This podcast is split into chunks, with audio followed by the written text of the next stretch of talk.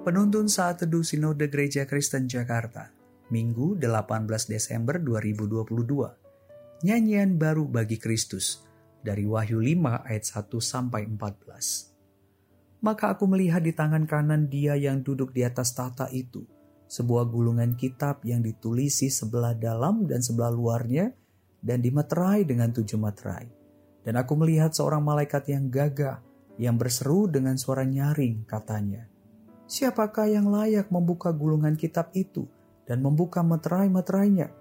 Tetapi tidak ada seorang pun yang di surga atau yang di bumi atau yang di bawah bumi yang dapat membuka gulungan kitab itu atau yang dapat melihat sebelah dalamnya.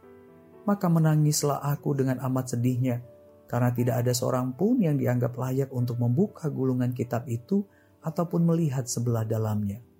Lalu berkatalah seorang dari tua-tua itu kepadaku, Jangan engkau menangis. Sesungguhnya singa dari suku Yehuda, yaitu Tunas Daud, telah menang. Sehingga ia dapat membuka gulungan kitab itu dan membuka ketujuh meterainya. Maka aku melihat di tengah-tengah tahta dan keempat makhluk itu, dan di tengah-tengah tua-tua itu berdiri seekor anak domba, seperti telah disembeli, bertanduk tujuh dan bermata tujuh. Itulah ketujuh roh Allah yang diutus ke seluruh bumi Lalu datanglah anak domba itu dan menerima gulungan kitab itu dari tangan dia yang duduk di atas tahta itu. Ketika ia mengambil gulungan kitab itu, tersungkurlah keempat makhluk dan kedua puluh empat tua-tua itu di hadapan anak domba itu. Masing-masing memegang satu kecapi dan satu cawan emas penuh dengan kemenyan. Itulah doa orang-orang kudus. Dan mereka menyanyikan suatu nyanyian baru katanya. Engkau layak menerima gulungan kitab itu dan membuka meterai-meterainya, karena engkau telah disembeli, dan dengan darahmu engkau telah membeli mereka bagi Allah dari tiap-tiap suku dan bahasa, dan kaum dan bangsa, dan engkau telah membuat mereka menjadi suatu kerajaan dan menjadi imam-imam bagi Allah kita, dan mereka akan memerintah sebagai raja di bumi.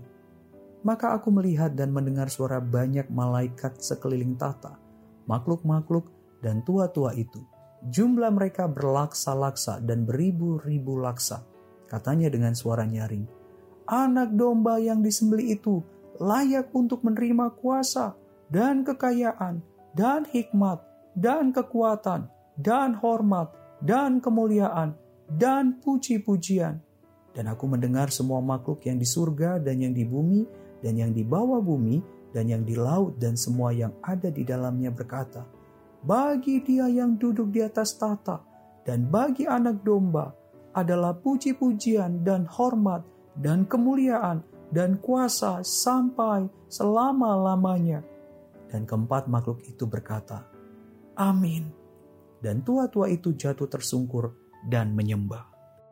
Saudara, kata nyanyian yang digunakan dalam bahasa Yunani adalah oden, dari kata dasar ode, yang berarti melodi nyanyian spontan, dadakan, tidak dilatih. Nyanyian ini berisi kesaksian tentang Tuhan dan perbuatan-perbuatannya yang ajaib. Sementara kata baru dalam bahasa Yunani menggunakan kata kainen dari kata dasar kainos yang berarti baru dalam kualitas belum ditemukan persis seperti ini sebelumnya. Kata ini juga bisa diartikan dari jenis baru, belum pernah terjadi sebelumnya, tidak biasa, belum pernah terdengar.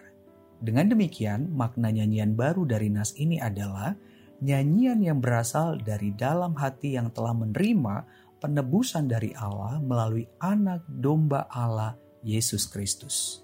Saudara, nyanyian baru yang dikumandangkan oleh orang-orang kudus bagi Kristus berisi kesaksian mengenai kasih karunia Allah yang dilimpahkan melalui ketaatan Kristus kepada Allah sampai mati di salib. Kristus mencurahkan darahnya demi penebusan dan pemulihan identitas umat pilihan Allah. Dari dalam hati orang-orang kudus yang telah ditebus tersebut, lahir nyanyian baru yang mengagungkan Kristus Yesus. Orang-orang kudus yang telah ditebus oleh darah Kristus menjadi bagian dari anggota kerajaan Allah yang memerintah menjadi raja di bumi dengan prinsip-prinsip teokrasi bersama dengan Kristus Sang Raja. Mereka pun menjadi kumpulan imam bagi Allah. Artinya, melayani Allah dan sesama dengan sifat keimaman bersama dengan Kristus Sang Imam Agung. Hanya karena kasih karunia Allah di dalam karya salib Kristus Yesus, maka orang-orang kudus memperoleh penebusan dan pemulihan identitas yang dinikmati selama-lamanya. Saudara, kelak ketika kita berada di langit bumi baru, kita pun akan menyanyikan nyanyian baru bagi Kristus yang berisikan kata-kata yang mengagungkannya dengan perbuatan yang ajaib. Hutang dosa kita telah dilunaskan melalui kematiannya di salib. Kita dilewati dari murka Allah dan dilimpahkan kasih karunia Allah berupa penebusan, bahkan pemulihan identitas kita. Kita menjadi bagian anggota kerajaan Allah yang dijadikan raja di bumi dalam arti memimpin dengan prinsip-prinsip kerajaan Allah bersama dengan Kristus Sang Raja untuk menghadirkan shalom bagi lingkungan kita. Kita pun menjadi kumpulan imam bagi Allah yang berarti melayani bersama dengan Kristus, Sang Imam Agung, dengan kerendahan hati di hadapan Allah dan sesama kita. Nyanyian baru bagi Kristus Yesus selalu berisi kesaksian mengenai karya penebusan dan pemulihan identitas bagi umat pilihan Allah melalui karya salibnya. Tuhan Yesus memberkati.